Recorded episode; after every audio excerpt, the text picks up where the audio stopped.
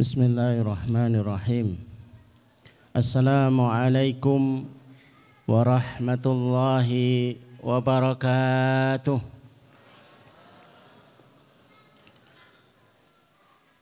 الحمد لله رب العالمين والصلاة والسلام على أشرف الأنبياء والمرسلين وعلى آله وأصحابه ومن تبعهم بإحسان إلى يوم الدين. أشهد أن لا إله إلا الله وحده لا شريك له وأشهد أن محمدا عبده ونبيه ورسوله لا نبي ولا رسول بعده. اللهم اشرح صدورنا وتزوس عن سيئاتنا Wahab lana fahmal amya'i wal mursalin. Wahab lana fahmas salafus salih. Allahumma anfa'na bima 'allamtana wa 'allimna ma yanfa'una wa zidna ilman. Wa na'udzu ahwali ahli nar. La sahla illa ma sahla. وأنت تجعل الحزن إذا شئت سهلا. رب اشرح لي صدري ويسر لي أمري. واحلل عقدة من لساني يفقه قولي. ربي زدني علما. سبحانك لا علم لنا إلا ما علمتنا. إنك أنت العليم الحكيم. ربنا آتنا من لدنك رحمة. وهيئ لنا من أمرنا رشدا. Waba'ad Bapak Ibu jamaah sekalian yang semoga dirahmati Allah Semoga dicintai oleh Allah subhanahu wa ta'ala Dan semoga dibarokai oleh Allah subhanahu wa ta'ala. Alhamdulillah pada kesempatan sore hari ini Kita dikumpulkan oleh Allah subhanahu wa ta'ala Dimudahkan urusan-urusan kita Dibuat ringan langkah-langkah kita dibuat hati kita terpaut dengan tolabul ilmi. Mudah-mudahan ini majlis yang semakin hari mengantar kemudahan kepada jannahnya Allah Subhanahu wa taala. Membuat dosa-dosa kita terampuni di sisi Allah Subhanahu wa taala. Amin ya rabbal alamin. Bapak Ibu yang dirahmati Allah, ketika taubat itu menjadi sesuatu yang berat maka akan menjadi lebih ringan ketika taubat itu menjadi sesuatu yang nilainya obat. Bahkan saya menyebut taubat itu adalah obat yang paling hebat. Rata-rata orang mereka yang bermasalah, apakah itu kebahagiaan yang hilang dari kehidupannya? Apakah itu rezeki yang seret ataukah itu hutang-hutang yang tidak segera lunas atau pekerjaan dan orderan yang sulit untuk bisa didapat. Awal-awal itu seringnya tanya amalannya apa. Biar cepat lunas hutang itu amalannya apa. Biar segera punya momongan amalannya apa. Biar segera dapat pasangan amalannya apa. Ketika itu sudah diberikan amalan, ternyata sekian lama tidak mendapatkan jawaban, ia mengira amalannya itu tidak memberikan sebuah jawaban atau keistimewaan. Yang sesungguhnya terjadi Bapak Ibu yang dirahmati Allah, kalau kita mendapati kehidupan kita ini berjalannya itu pincang. Jangan paksakan untuk berjalan apalagi dipaksakan untuk berlari. Berhentilah sejenak untuk melihat dan memeriksa di kaki ini ada apa. Jangan-jangan ada duri, jangan-jangan ada paku. Yang harus kita cabut dulu sehingga dengan kita cabut cepat atau lambat dengan amalan biasa saja masalah itu terselesaikan dengan izin Allah Subhanahu wa taala. Tapi kalau masih ada duri, semakin kita paksa berjalan, semakin cepat berjalan, semakin kita ingin berlari, maka semakin lukanya itu menganga, semakin darahnya itu lambah-lambah ke mana-mana. Memang tidak kelihatan darahnya itu. Tapi rasa sakitnya itu ya di sini gitu ya. Di hatinya gitu ya. Kok nggak selesai-selesai kok lama. Maka pertama kali ketika kita mendapati kehidupan kita ini tidak berjalan normal. Berhentilah di terminal bernama taubat. Yang pertama untuk menemukan kenapa saya begini. Maka taubat itu untuk bisa menjadi obat yang pertama-tama menemukan sebab Inilah yang terpenting. Agar kita segera selesai. Ibaratnya itu begini Bapak Ibu yang dirahmati Allah. Ikan yang ada di kolam kemudian kena pancing. Ia berontak ke sana kemari. Semakin berontak ke sana kemari, semakin berdarah-darah. Ketika tenaganya habis, berhenti, ditarik ke atas yang mancing itu.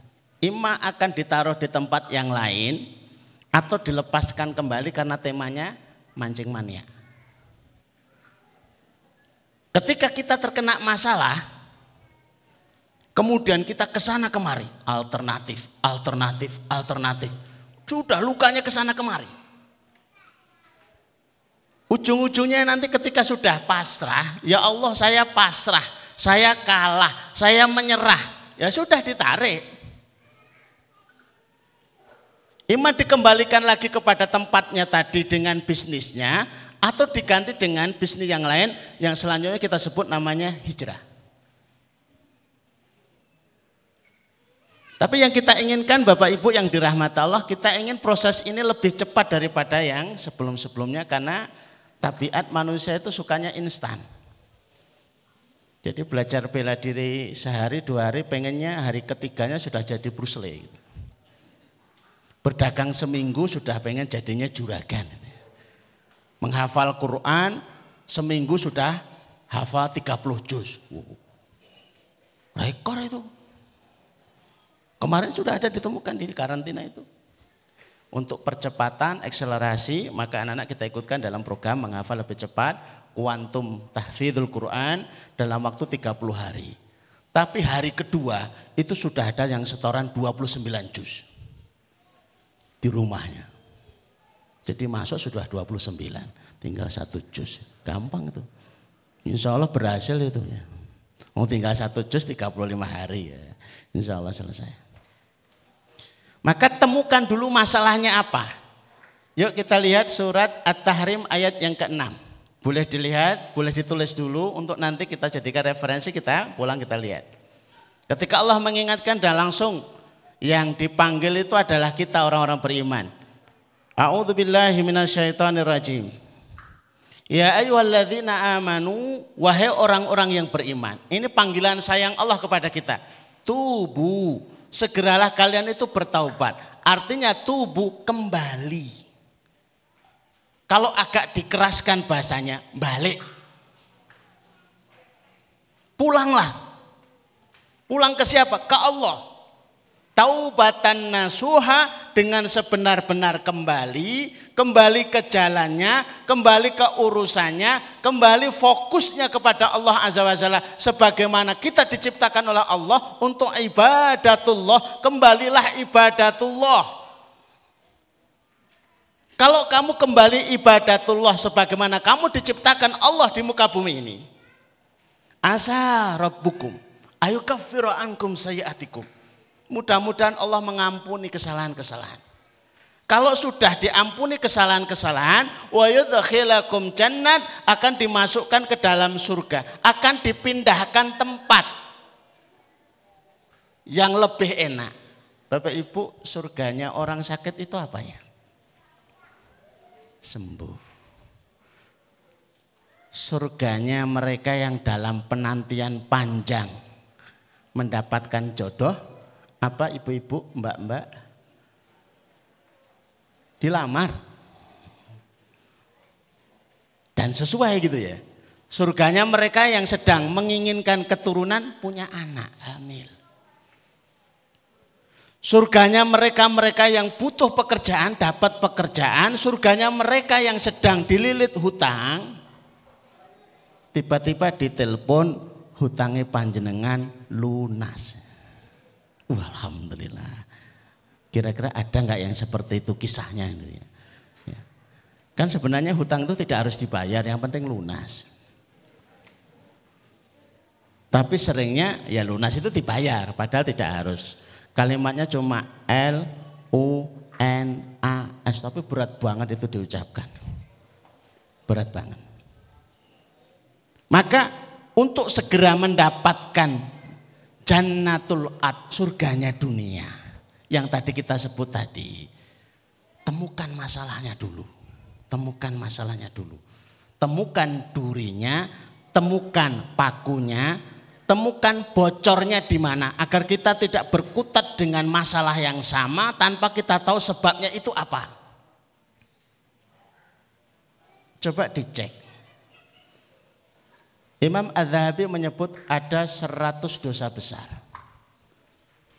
Yang kesemuanya itu sebab-sebab masalah. Wa innar rajula la yahrimur rizqa bisababi dzambil ladzi yaksibu. Seseorang itu terhalang, terhambat mendapatkan rezeki, bahkan tersumbat mendapatkan rezeki itu tak lain disebabkan dosa yang dilakukannya. Imam Ibnul Qayyim itu ditanya satu orang tentang sebuah pertanyaan, apa masalahnya? Beliau jawabnya satu kitab. Kalau ulama itu ditanya satu pertanyaan, jawabannya satu kitab. Kalau saya ditanya satu pertanyaan, ya saya jawab seadanya gitu ya. Kalau dijawab satu kitab, lah selesainya kapan? Nggak pulang-pulang gitu. Judul kitabnya ada uat dawa, penyakit dan obatnya. Itu dituliskan, Masya Allah ya. Saya baca 8 tahun itu nggak rampung-rampung. Kok bisa Ustaz? ya bacanya jarang. Gitu ya. Nggak rampung karena bacanya jarang. Gitu ya. Kalau pas mau kajian baru buka. Kalau pas ditanya baru buka gitu ya. Pinternya Ustadz itu kan karena sering ditanya gitu ya. Nggak tahu jawabannya sebenar PR. Al Imam Syafi'i itu ditanya apa dalilnya mengikuti salafus soleh. Nggak ketemu jawabannya. Minta izin tiga hari. Nggak keluar rumah. Nggak ke mana-mana kecuali untuk sholat berjamaah saja. Tiga hari itu beliau khatamkan delapan kali khatam untuk minta petunjuk kepada Allah. Jadi kalau orang itu nggak ketemu jawabannya, itu bukan dur. Bukan naik di buwung, lepas, kelepus, mencari jawaban. Atau semedi di kuburan. Nggak ada tuntunannya. Kalau mau ngikuti Imam Syafi'i, baca Quran. Inna hadzal Qur'an yahdi lillati hiya aqwam. Al-Isra ayat yang ke-9. Quran ini akan menunjukkan tepat apa yang kita inginkan dalam kehidupan kita, tepat. Begitu delapan kali khatam baru menemukan jawabannya. Mari kita biasakan tradisi ini menemukan kebenaran, menemukan jawaban melalui Quran. Sisi ijazil Quran, kemukjizatan Al-Quran itu bisa kita keluarkan dari sini itu. Membaca Quran, membaca Quran. Banyak yang ketemu jawabannya setelah banyak baca Quran. Di antara seratus dosa yang peluangnya itu dilakukan oleh banyak kaum muslimin. Ini enggak banyak kan kami sebutkan. Kalau disebutkan semua ya ini butuh harus registrasi ulang. Kita komitmen ngajinya sampai jam berapa? Jam 12 malam. Oke. Okay. Nginep mabit biar visabilillahnya tertulis lama gitu ya. Tapi ya lumayan itu, lama banget itu ya. Saya hanya menyebut beberapa saja. Coba dicek dulu kayak dokter itu ya. Buat list dosa-dosa besar, enggak usah banyak-banyak. Lima dulu, apa sepuluh dulu, kemudian dituliskan. Sebagaimana kalau orang-orang yang konseling dahulu kepada kami itu pertama-tama lingkari apa yang dilakukan. Set, set. Apakah kamu berbuat syirik? Syirik itu apa Ustaz? Wah menerangkan lagi. Panjang itu ya. Tapi rata-rata lima itu kurang, sepuluh juga kurang. Pilihannya terlalu sedikit Ustaz. Masih banyak. Apakah kamu memutus silaturahim? Oh ya, nggak cuma mutus, tak nenggerong tahun. Loh, parah itu. Karena gara kamu memutus silaturahim, diputus rezekimu oleh Allah Azza wa Apakah kamu durhaka kepada orang tua? Wala. Apakah kamu makan yang haram? Atau memakan sesuatu dengan cara yang haram? Kemudian itu menyumbat jalur-jalur rezeki kita. Apakah kamu berbuat riba? Riba itu apa? Jelaskan lagi, tambah panjang kan? Itu dijelaskan. Tapi yang paling mudah kalau urusannya itu kebahagiaan yang hilang dari kita, lihatlah amalan yang mendatangkan kebahagiaan. Silaturahim disambung, berbakti kepada orang tua dan lain sebagainya. Ada seorang yang datang kepada kami, Ustaz, saya itu kerja di bagian keuangan. Saya itu enggak menggunakan uangnya, tapi dituduh menyalahgunakan uang. Terus, lah saya itu minggu ini disidangkan. Awalnya jadi saksi, lama-lama jadi tersangka. Saya depresi. Jenengan melakukan? Enggak. Benar-benar enggak melakukan? Enggak. Lihat ke sini sama siapa? Ini kakak saya, ini adik saya, ini ibu saya. Komentar saya, jenengan kok pinter, punya masalah sekaligus membawa solusinya sekalian. Kalau begini itu seneng dikonsultasi itu, masalah membawa solusi sendiri gitu. Ini ibunya, iya. Bu jenengan, ini putra nih, longge. Bisakah panjenengan duduk bersimpuh sungkem? Minta maaf kepada ibu. Agar diampuni kesalahan-kesalahannya setelah diampuni kesalahan-kesalahannya minta diridhoi. Setelah diridhoi minta didoakan insya Allah selesai. Kalau perlu kasih ibu-ibu ini biar ridhonya tamamur ridho.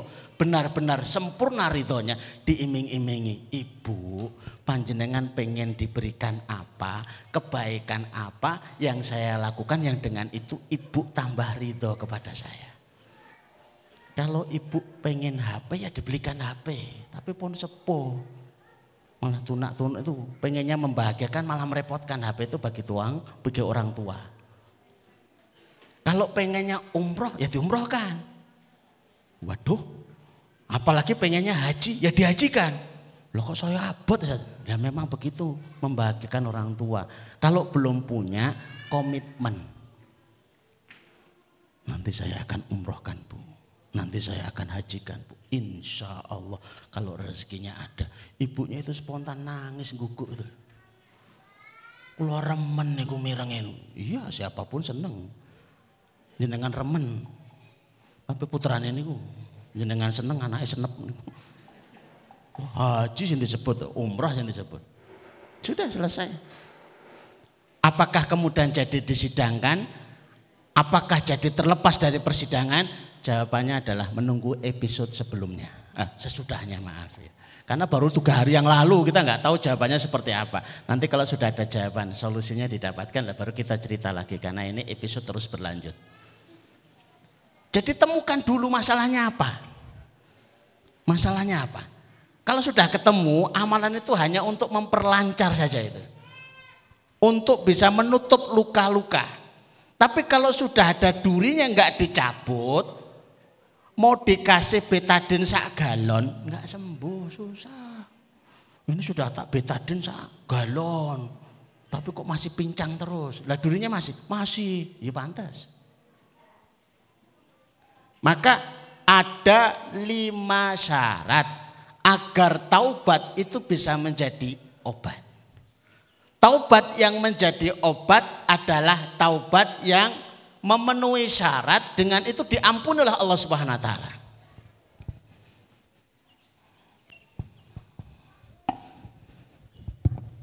Yang pertama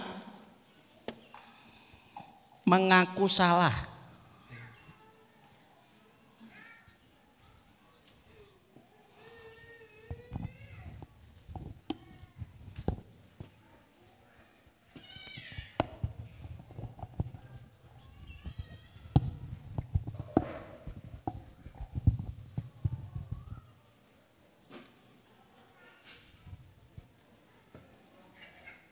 Nomor satu, tapi sekaligus ini yang paling sulit. Kenapa panjenengan punya hutang? Saya tidak tahu. Ada pinjaman riba enggak? Ada. Berarti itu masalahnya. Tapi saya terpaksa kok. Ya itu salah. Saya terpaksa ya enggak salah. Rasa ngeyel. Lah enggak ada yang minjemi saya. Ustaz juga enggak minjemi. Coba dipinjemi Ustaz. Eh, tetap ngeyel. Salah ya salah. Seorang ibu periksa ke dokter. Katanya kena kista. Peluang keduanya mium. Ibu pengen operasi. Saya nggak pengen Ustaz. Kalau nggak pengen operasi, pertama minta maaf sama suami. Wah dia yang sering salah itu Ustaz. Kesalahan panjenengan adalah nggak merasa bersalah. Wah ya sulit. Gimana caranya saya minta maaf? Apa tak ajari? Yo jangan saat saya malu. Apa di depan saya? Jangan. Ayo minta maaf. Piye ya Ustaz ya? Ya akhirnya minta maaf, minta maaf kepada anak-anak, minta maaf kepada yang bisa dimintai maaf. Yang kedua, biar itu lukanya cepat sembuh, jenengan itu sudah dikasih tahu sama dokter ini kalau operasi biayanya berapa? Biayanya sekian Ustaz sudah sotakoh saja separuh biaya untuk membiayai orang yang sedang operasi. Allah ada seorang bapak yang anaknya itu mau operasi amandel. Biayanya kok yo ya pas dengan biaya separuh biaya operasinya ibu tadi itu. kan? Sebulan kemudian saya dikasih kabar ini sudah terjadi sehingga tidak perlu nunggu episode selanjutnya. Sudah terjadi. Alhamdulillah Ustadz kami dinyatakan bersih dan tidak jadi operasi. Suaminya ada di sampingnya karo guyang guyu. Cocok Ustadz. Ini ki aku cocok.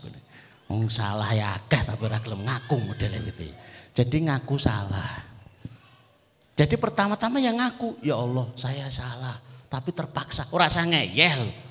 Kula kepepet ya Allah. Kula niku salah jane ya ora salah tenanan. Niku semi-semi salah, jane sithik-sithik. Ndak usah ngeyel, akui kalau salah. Nabi Adam itu salahnya apa sih? Kalau dibanding salah kita itu parah kita. Tapi pertama yang diucapkan Robbana dolamna. Ya Rob kami itu dolim kebangetan kami itu, zalim. Jadi yang pertama ini, saya mau jelaskan panjang itu terngiang jamnya itu cepat begitu ya, sehingga agak cepat. Sebentar, singkat, tapi mudah-mudahan manfaatnya luar biasa. Yang kedua, setelah kita mengaku salah, mesal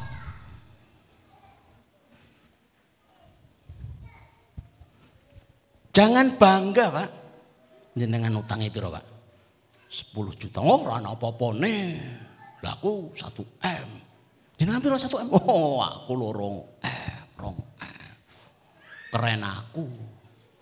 Berapa banyak orang itu terlalu bangga kalau hidupannya kehidupannya itu kelam.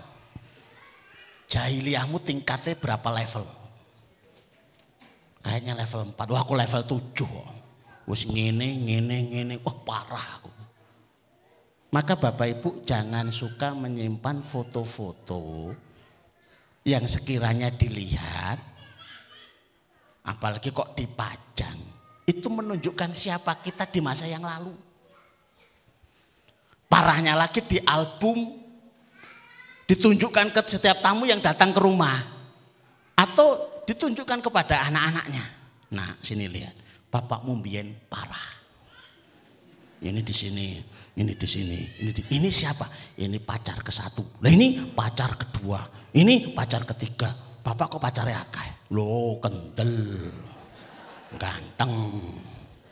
Dulu julukannya di kampung itu Arjunanya kampung. Wah ngeri. Berarti bapak hebat, hebat. Lo kok iso tobat enggak apa-apa. Kok nggak ada menyesalnya gitu ya? Bahaya tuh Pak. Ibu-ibu yang di lemarinya itu masih ada baju-baju. Wong sudah hijrah, sudah pakai pakaian muslimah. Kenapa masih disimpan pakaian-pakaiannya masa jahiliyah dulu? buat kenangan. Ya di permak atau diapakan monggo caranya begitu itu. Dadak terus dipamerkan kepada tamu-tamunya. Dulu saya itu parah loh jeng. Lho napa parah? Lho mbiyen sak menten iki. Lha engko tesih wonten lemari. Lho niki wah parah niku. Niki tesih wonten gudang. Kebanggaan terhadap sebuah kesalahan itu menjadi sebab syarat-syarat taubat menjadi obatnya jadi kurang. Jadi kita pengennya itu ditutup. Semua kisah masa lalu pengennya itu masuk kotak.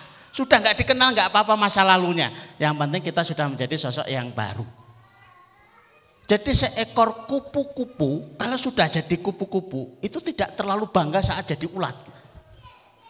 Sehingga tidak ada kupu-kupu niru jalannya masa lalu. Gluget, gluget. Para santri itu saya tanya, kupu-kupu apa yang jalannya kayak ulat? Kupu-kupu goblok. Lah wong punya sayap, lah kok jalannya masih tiru kayak waktu ular. Prosesnya itu.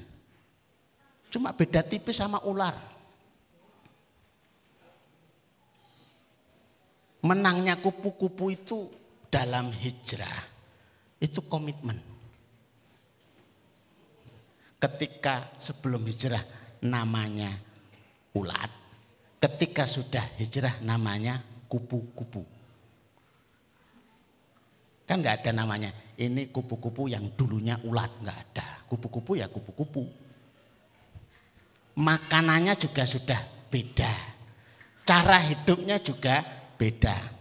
Ular itu juga ada prosesnya. Nelungsungi itu. Ketika ular sebelum berproses ganti kulit dan setelah ganti kulit namanya sama atau beda? Sebelum ganti kulit ular. Setelah ganti kulit ya ular. Makanannya ya sama. Jadi hijrah yang gagal itu hijrahnya ular. Gaya jalannya pun sama. Ya, megal, megol, megal, megol. Itu sebelum ganti kulit. Setelah ganti kulit, ya tetap ngono Ini tidak mewakili sebelum hijrah supraek, setelah hijrah ya supraek, hijrahmu, hijrah Allah. Motor nggak mewakili gitu ya. Tapi kalau pakaian ya, amalan ya, makanan yang kemarin itu nggak ngerti halal haram sekarang sudah sangat dijaga yang halal ya. Jadi ini harus ada nyesalnya. Yang ketiga, setelah mengaku salah, menyesal. Yang ketiganya meminta maaf.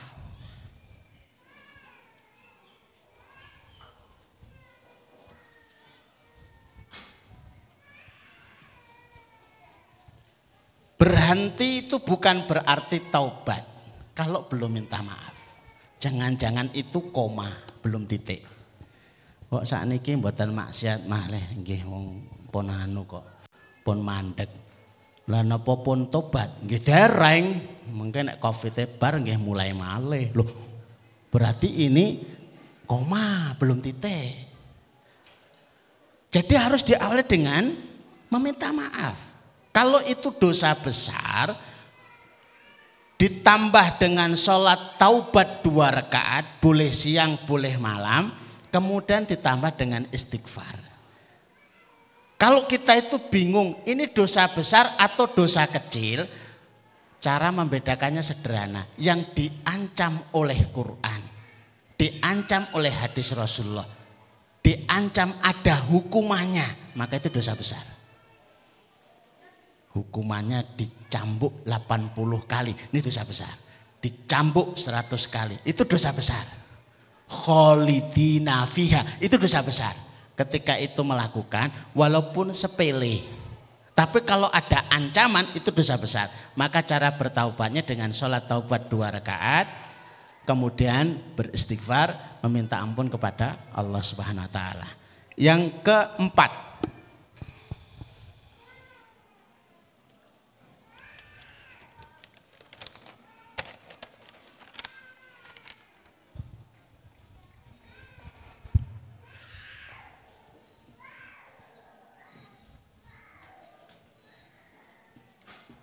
Ada komitmen untuk tidak mengulangi.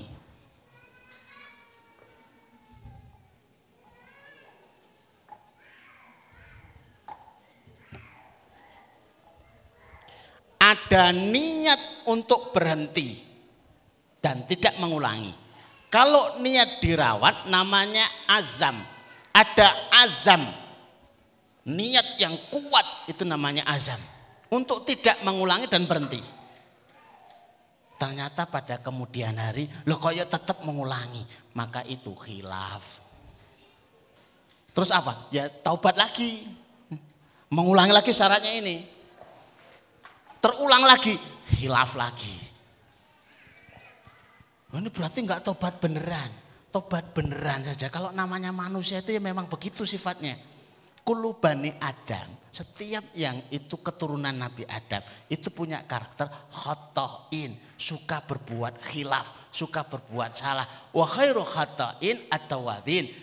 Sebaik-baik mereka yang selalu terjatuh kepada yang salah, itu cepat-cepat kembali, cepat-cepat taubat. Maka ya jangan malah diinjek, jangan malah dicemooh, jangan dibully mereka-mereka yang kok salah lagi. Katanya tobat, lo kok ngulangi? Lo tobatnya lombok.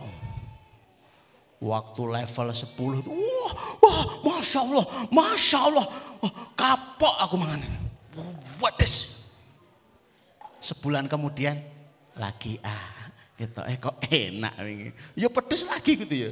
Masya Allah masya Allah kapok aku mangan. Sebulan lagi ngulangi lagi. Oh.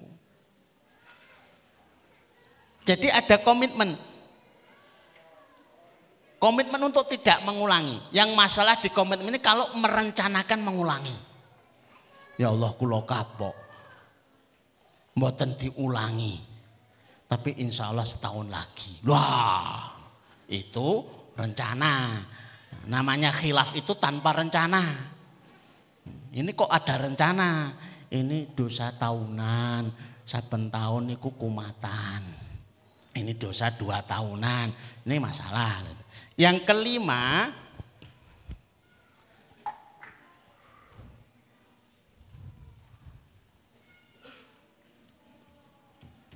diganti pak atau bahasa lainnya ditutup.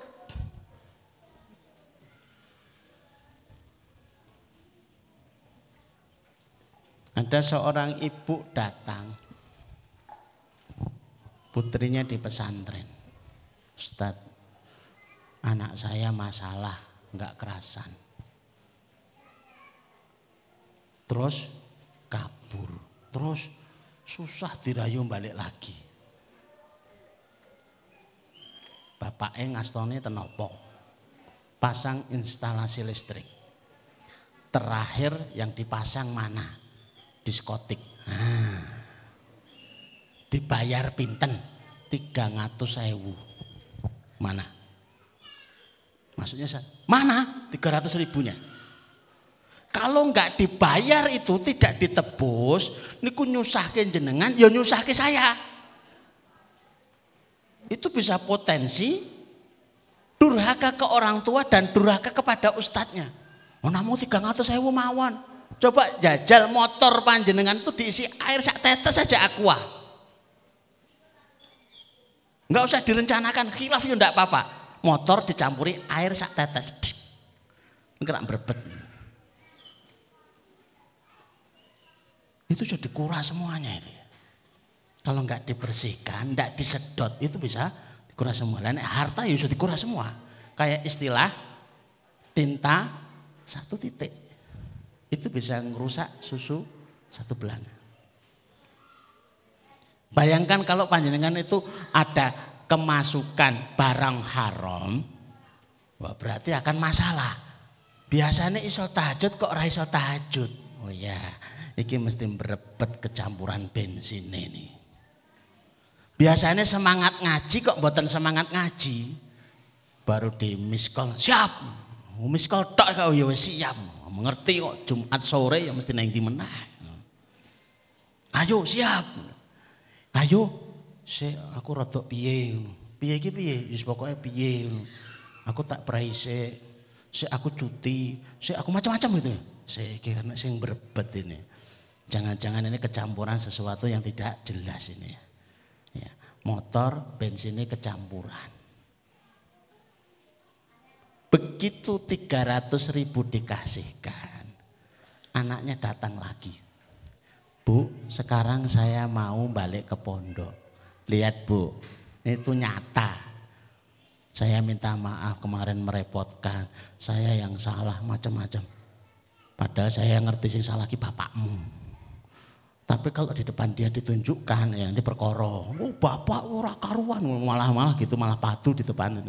Gak asik dilihatnya. Jadi diganti, diganti.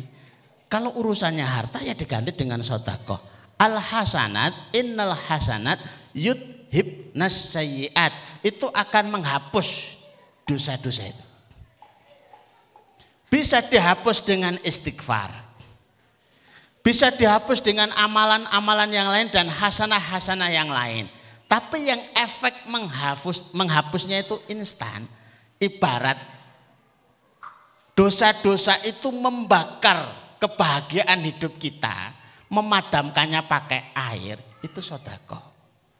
As-sodaqatu tutfi'us sayi'ah. Sodako itu memadamkan kesalahan kama yudfi'ul ma annaro sebagaimana air yang memadamkan api. Ya kadang-kadang kita butuh dipaksa karena kita nggak ngerti yang seperti itu dan merasa itu sebagaimana itu punya kita. Padahal api itu sudah menjalar ke mana-mana, sudah bakar sertifikat berapa itu? Sertifikat satu hilang, sertifikat dua hilang, gudangnya kebakar, ini dibakar semuanya, itu mangan itu kabeh entek-entekan. Ya sudah ditutup. Ditutup. Kalau belum cukup dengan istighfar, belum cukup dengan sholat taubat, tambahkan dengan ibadah-ibadah yang lain istighfar, istighfar, istighfar dan besarnya niat kita untuk bertaubat itu yang dinilai oleh Allah Azza wa Jalla. Maka jangan heran seorang wanita pelacur pada zaman Bani Israel. Berarti kan kebayang dosanya kayak apa? Itu memberi minum seekor anjing. yang dikasih minum anjing karena kehausan. Itu pun turun ke sumur pakai sepatu terus dikasih minum belum kenyang, masuk lagi. Maka amalan memberi minum seekor anjing yang nyaris mati itu menghapuskan semua dosa-dosanya. Kok bisa amalan satu bisa menghapus sekian dosa? Amalan satu itu menjadi besar ketika diikutkan dengan besarnya niatan melibatkan Allah dalam amal itu. Maka amalan sederhana amalan sederhana, amalan kecil itu kalau diangkut dengan keikhlasan, betul-betul ingin mengemis ridho Allah, itu jadi besar. Pahalanya jadi besar. Menjadi tak terhingga kekuatannya karena melibatkan yang maha tak terhingga yang begitu besarnya. Jadi Bapak Ibu yang dirahmati Allah Azza wa Jalla. Ketika kita sudah melakukan lima yang menjadi syarat ini, maka pertaubatan itu menjadi obat. Jangan dihina, jangan dicela mereka-mereka yang sedang berproses menjadikan taubatnya itu menjadi obat. Seorang wanita datang kepada Rasulullah SAW. Ya Rasulullah katiwasan. Kenapa? Saya berzina Rasulullah memalingkan wajah. Dicari lagi wajah Rasulullah. Rasulullah memalingkan lagi. Sampai kemudian kamu pulanglah. Kalau ada tanda-tanda hamil nanti ke sini lagi. Pulang. Itu umpama kabur. Ya nggak dikejar. Tapi hamil balik lagi. Ya Rasulullah hamil. Ya sudah kamu pulang lagi, tunggu sampai melahirkan. Umpama di saat hamil itu kabur, ya nggak dikejar. Tapi karena wanita itu pengen betul-betul bertaubat dan taubatnya jadi obat. Begitu melahirkan dibawa lagi anaknya ini. Ya Rasulullah ini sudah melahirkan. Kapan saya dirajam? Coba bayangkan. Seakan raja merasa terancam kok. Ini bukan terancam, ini rajam. Rajam itu ditanam sedada, dilempari batu. Lah sampai kapan? Ya sampai mati. Begitu anaknya dibawa itu Rasul pulang, kamu bawa pulang sampai kamu menyusui dua tahun. Ya. Wih, ini sudah macam Ustadz Abdul Somad ini time off. Kena tilang. Begitu sudah dua tahun datang lagi. Ya Rasulullah sudah kami sampai. Baik kita siapkan rajamnya. Dilempari oleh kaum muslimin depan masjid Nabawi. Di antara yang melempar itu Khalid bin Walid.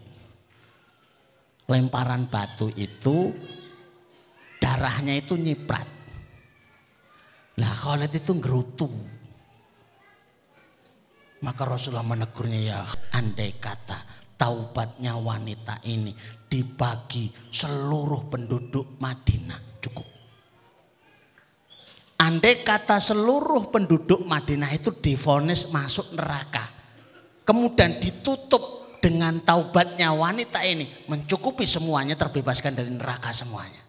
Hebatnya sebuah pertaubatan bisa, bisa mengobati nasib-nasib dunianya sampai menyelamatkan sampai nasib akhirannya. Ini yang menjadikan sesuatu luar biasa.